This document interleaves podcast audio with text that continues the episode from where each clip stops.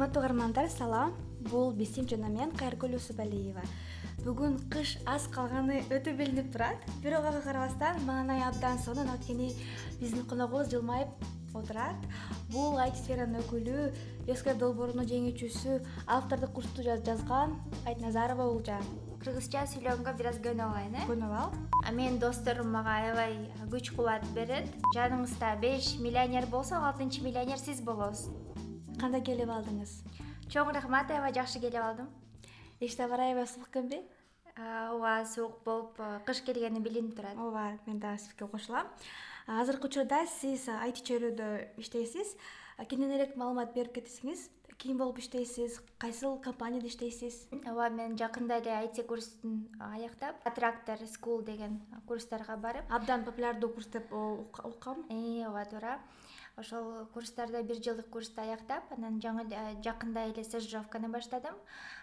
Бишкектеги бир айти компаниялардын биринде стажировка өтүп жатам. Веб разработчик катары. Ушул акыркы айда. Акыркы айда иштеп баштадыңыз э сонун маалымат экен. Жаңы айтиге кызыккан кишилерге кандай кеңеш бермексиз ооба азыркы учурда абдан айти тармагы абдан популярдуу болуп жаткан кези анан көп эле адамдар өзүнүн тармагын өзүнүн жумушун тышкары ооба же жумушун таштап ошо айтиге кызыккандар көп болуп жатат деп десем болот. Анан эгерде мисалы азыр башка тармакта иштеп жатсаңыз анан айтиге кызыгууңуз бар болсо биринчиден интернетке кирип ал эмне экени жөнүндө маалымат алганга аракет кылсаңыз жакшы болот деп эсептейм. Мисалы ютубка деле кирип разработка деген эмне фронтенд деген эмне бекенд деген эмне деп өзүңүз биринчи окуп алсаңыз ошондо сизге пайдалуу болот да.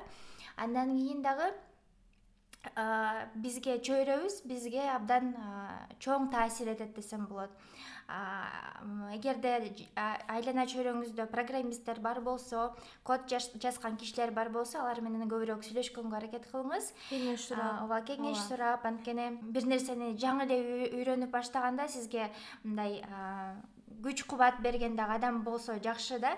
Мисалы берип мотивация берип ооба күч кубат берген адам болсо ошондо сонун болот. Мисалы менин тажрыйбамда менин таекем э, программист. Жети сегиз жылдан бери код жазып ооба иштеп келе жатат. Кыргызстандын бир э, эң жакшы компаниялардын биринде америкага американский компанияда. Бирок офиси бул жерде да. Анан ошол таекем менен сүйлөшкөндө дайыма эле ошол айти жөнүндө суроолорду берип ооба мага мотивация берчү. Анан ошол таекем дагы мага аябай таасир этти десем болот. Анан ошол эгерде сиз айти тармагы менен кызыксаңыз көбүрөөк ошол айти тармагында иштеген адамдар менен сүйлөшүп мисалы телеграмдан деле ар кандай каналдар бар ошого подписка кылсаңыз аябай жакшы болот да. Анан айтат эмеспи эгер жаныңызда беш миллионер болсо алтынчы миллионер сиз болосуз деп же болбосо жаныңызда беш программист болсо алтынчысы сиз ооба программист болосуз. Ошон үчүн эгер айти тармагына кызыксаңыз ошол программисттер менен көбүрөөк көбүрөөк таанышкыла сүйлөшкүлө туура анан айта кетейин бизде маалымат беп бекер ошон үчүн кыйналбай эле гуглга кирип эле оңой эле тапса болот. ооба. Анан да курстарга бараардан мурда дагы ошол өзүңүз изденип гуглдан карап анан ютубтан карап кичинекей дагы болсо дагы программа жазып көрсөңүз. Ооба пайдалуу болот да. Негизи менин билишим боюнча сиздин жолуңуз айтиге жолуңуз абдан кызыктуу болду. Ошол жөнүндө айтып кетсеңиз. Мен былтыр америкалык борбор азиядагы америка университетинин бизнести башкаруу факультетин бүтүргөм.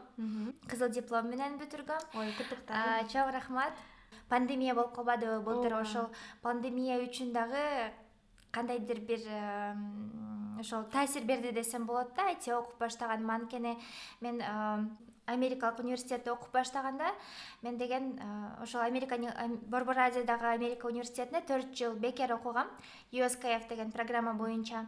Анан төртүнчү курста менин академикалык жетишкендиктерим үчүн жасаган проекттерим үчүн беш кишинин бирөө болуп тандалып алынгам стажировка америкада вашингтон жарым жыл стажировка ооба жарым жарым жыл стажировка өткөнгө ошол тандалып алынгам да ошону утуп алган болчумун.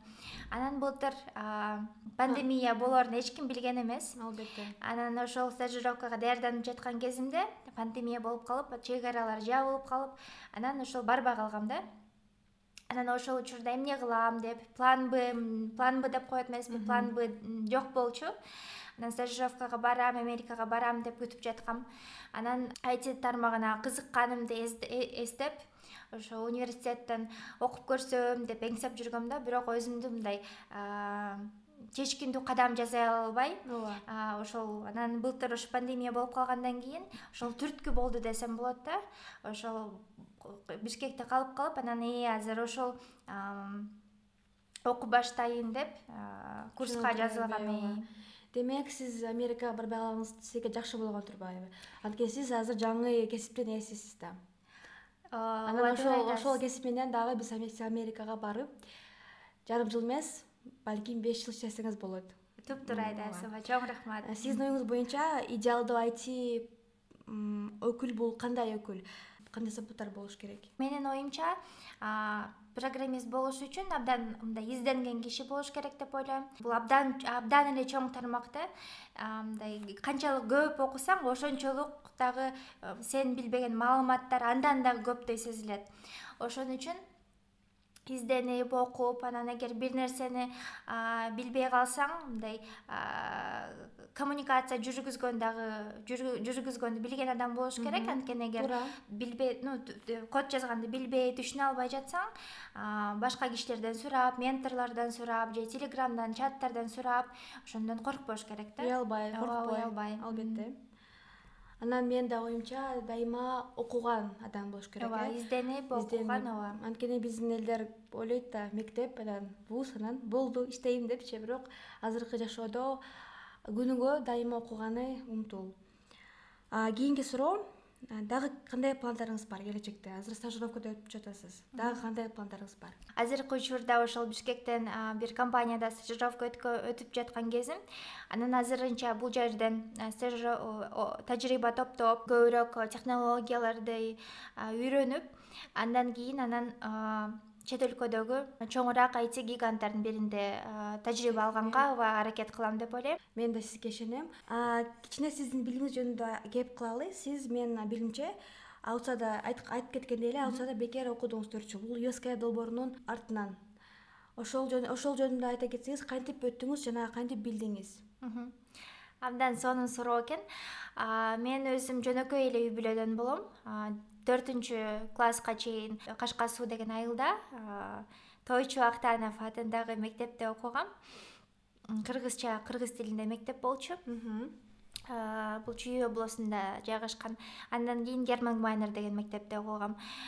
Жоп жөнөкөй эле үй бүлөдөн болом анан ауца деген мындай абдан кымбат деген университет деген өзүнүн мындай көп эле элдер ушинтип ойлойт да.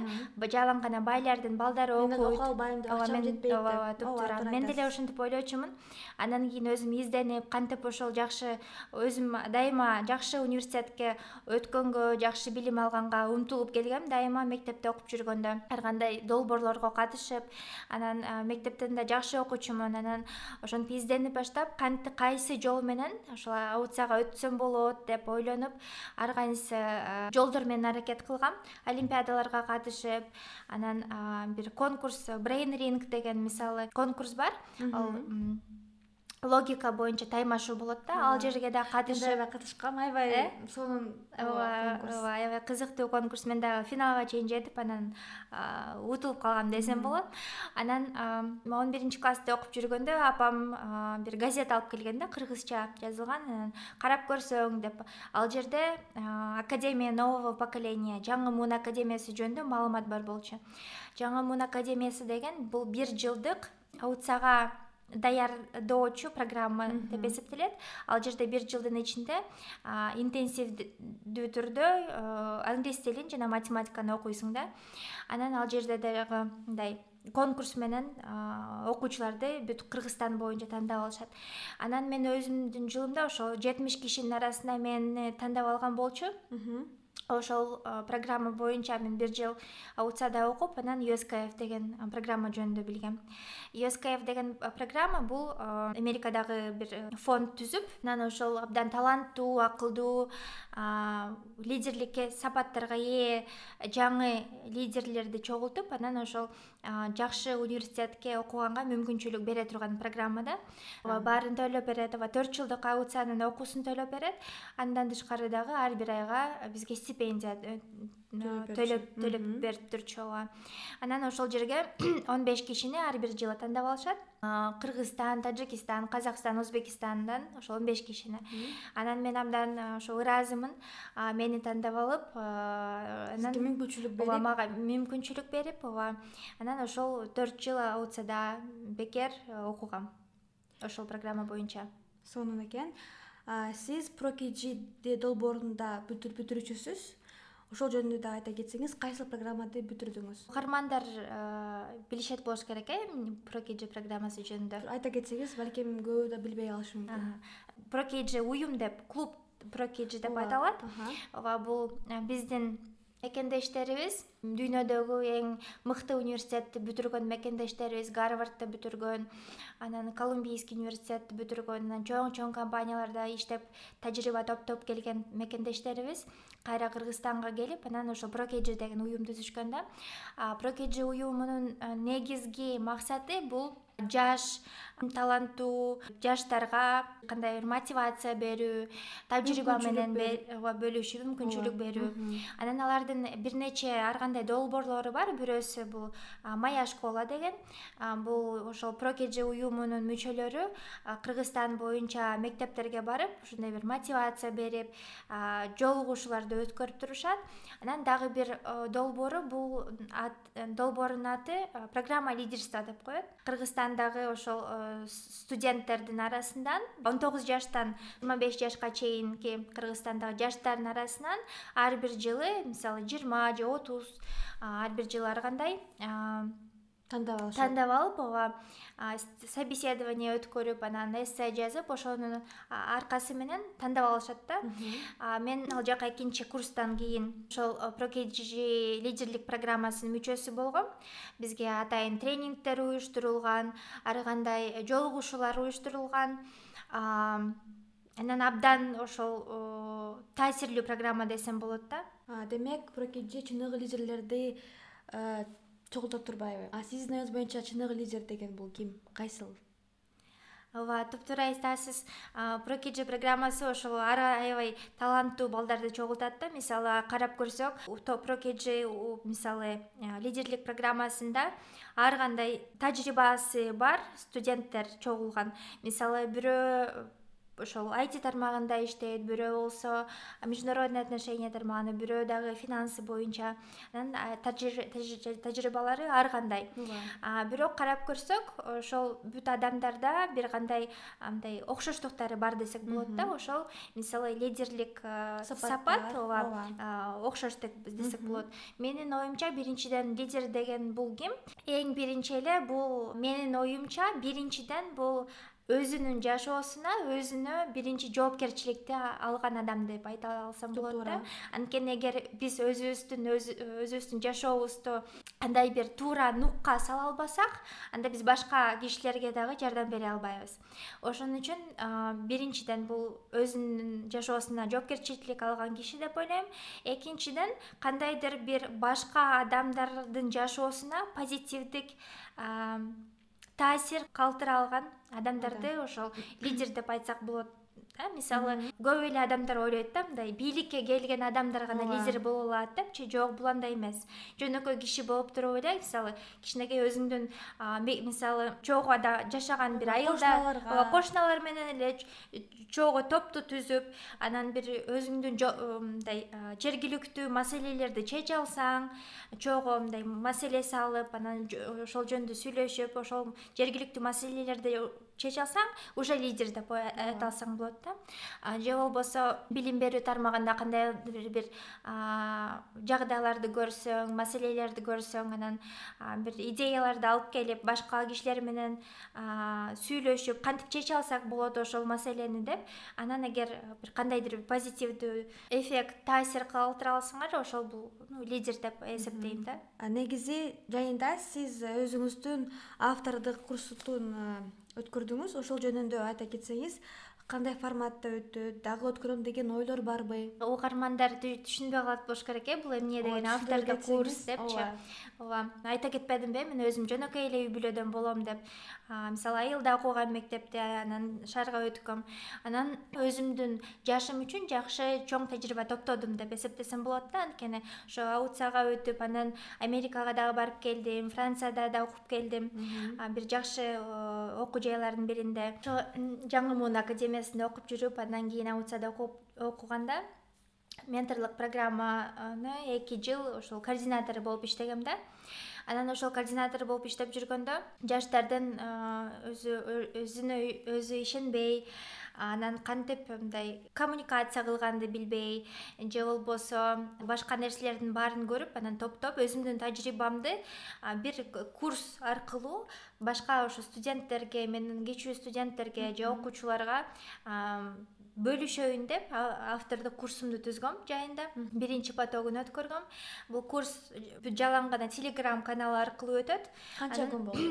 ал жыйырма бир күн болду үч жума турбайбы э? Ооба үч жума болду. Жети сабактан туруп анан анын ичинде кантип нетворкинг кылса болот кантип айлана чөйрөдөгү адамдар менен жакшы мамиле түзүү жөнүндө тил табып ооба тил табуу жөнүндө канчалык биздин мисалы ойлорубуз биздин күндөлүк дагы таасир этери жөнүндө кантип максат коюу кантип максатка жетиш керек кантип тилек коюш керек ошонун баары жөнүндө курс болду десем болот. баарын каптаган курс турбайбы? ооба анан ошол көбүнчө менин жашымда же менден кичүүрөөк адамдар катышты. Биринчи потокто ошол он беш киши катышты. Анан абдан сонун өттү деп айтсак болот. Анан ошол катышуучуларыбыз дагы аябай жакшы сөздөрдү айтышты да. Андан кийин. мен да окудум аябай баардыгын рахмат деп жазышты. Сиз менин жашоомду өзгөрттүңүз деп көчө окугам. Ошол курстардын отзывдарын мен дагы ошол экинчи поток болсо деп үмүттөнүп отурам. Чоң рахмат. балким мен дагы кошулуп калам. Ким билет? Ошол курстун атын айта кетсеңиз жана каяктан тапсак болот же болду поток жабылдыбы? Жок поток жабыла элек. Андан контентин андан дагы сонунураак кылып жазайын деп азыр ошол пландар бар пландар бар. Ооба анын курстун аты создай себя сам анткени мотивация берген неме экен э? Ат экен э? Анткени ар бир ошо айтпадымбы ар бир адам өзүнүн жашоосун кандай кылгысы келсе ошондой нукка бурса болот э? Бурса болот деп баардыгы биздин колубузда турбайбы ооба баарыбыз биздин колубузда. Анан ошон үчүн создай себя сам деп ошентип автордук курсумду түзгөм да. Аны деген менин инстаграм баракчасында. баракчамда ооба тапсаңар болот. Азыр бизде блиц суроолор болот. Менин биринчи суроом сизге күч кубат берген үч инсан жана эмне үчүн? Инсандар э менин оюмча мындай инсандар аябай эле көп. Менин жашоомдо абдан мага таасир калтырган адамдар э, көп болгон анан эң биринчиси эле менин үй бүлөмдүн мүчөлөрү менин ата энем менин эжекелерим андан кийин мисалы тилек мамутов деген биздин ошо мекендешибиз дагы. Мага абдан күч кубат берген киши деп ойлойм анткени ошол биздин кичинекей кыргызстаныбыздан эле чоң чоң жетишкендиктерге жетип гуглда он жылдан ашык иштеп анан азыр ошол өзүнүн ауталент деген стартабын баштап биздин мекендештерибизге снг мамлекеттериндеги жакшы программисттерге ошол гуглга окшогон чоң чоң компанияларга өткөнгө жардам берет да. Ошол абдан мени мотивация берген киши деп эсептейм мен үчүн. Үчүнчүдөн менин досторум мага аябай күч кубат берет анан менин менин айлана чөйрөмдө абдан кыйын кишилер көп десем болот. Алар өзүнүн бирөө өзүнүн бизнеси менен алектенсе экинчиси чоң бир чет өлкөдөгү америкадагы университеттерде азыр окуп жатышат англияда окуп жатышат дагы башкалары болсо бул жергиликтүү компанияларда иштеп жатышат. Анан ошол менин досторум мага абдан күч кубат деп өзүнүн үлгүсү менен мага абдан күч кубат берет деп ойлойм да. Сиздин күнүмдүк үч кылган нерсеңиз? Абдан кызыктуу суроо го. Биринчиден мен медитация кылам ар бир күнү. Көп эле адамдар медитацияны бир индияда ооба түшүнүшпөйт ооба түшүнүшпөйт деп ойлойм да мындай мындай башкача анан же динге каршы деп ойлошот көбүнчөсү элечи а медитация деген жөн эле бул өзүңдүн мындай э, тынч отуруп башка эч нерсеге алаксыбай тынч отуруп анан өзүңдүн ойлоруңду бир иретке алып келгенге жардам берген техника да. Ошон үчүн мен күнүгө медитация кылам. Анан китеп окуганга аракеттенем анан үчүнчүдөн жазуу практикалары менен алектенем. Мисалы эртең менен күнүгө эртең менен жана жатаардан мурда менин өзүмдүн күндөлүгүм бар ошонун ичинде мисалы эмнеге ыраазы болсом ошого жазам анан өзүмдүн тилектеримди өзүмдүн максаттарымды жазуу ошол бул мындай менин бир күндөлүк иштеримдин бири десем болот да. Жашоого эмнеге ыраазысыз көп нерсеге ыраазымын. Биринчиден ошол ата энеме менин туугандарыма ыраазымын досторума анан мүмкүнчүлүктөргө ыраазымын. Анан эң эле ыраазы боло турган нерсем ошол мени менин айлана чөйрөмдөргө болгон адамдарга десем болот. Анткени ошол биздин көп эле жетишкендиктерибиздин артында ушу көп адамдардын мотивациясы көп адамдардын жардамы турат деп эсептейм да. Жылуу сөздөрү. ооба жылуу сөздөрү. Ошон үчүн мен мектептеги мугалимдериме да чалып турам кээ бирде кандайсыз ооба? жакшысызбы сизге чоң рахмат ушундай билим бергениңизге деп. Анан мен досторума ушинтип жазып турам да кандайсың жакшысыңбы деп. Анан ошол менин адамдарга абдан ыраазымын деп ойлойм да. Азыр биздин угармандардан суроолор болот биринчи сурообуз. Сиздин э, курсуңузду каяктан тапсам болот. Бирок бул суроого жооп берип койдук. Сиздин баракчаңызда шилтеме бар. Каяктан тапсак болот туурабы. Ооба. Экинчи суроо экен.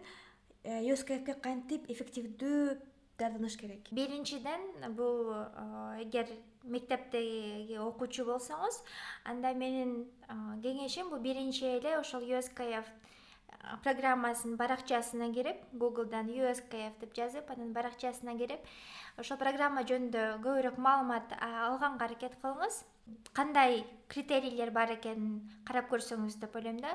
Көбүнчө критерийлери мисалы мектептеги сиздин окугандагы жетишкендиктериңиз сиздин бааларыңыз сабактардан алган ошол абдан маанилүү. Сиздин лидерлик сабапатыңыз маанилүү болот. Анан мектептен тышкары сиз дагы эмне менен алектенесиз?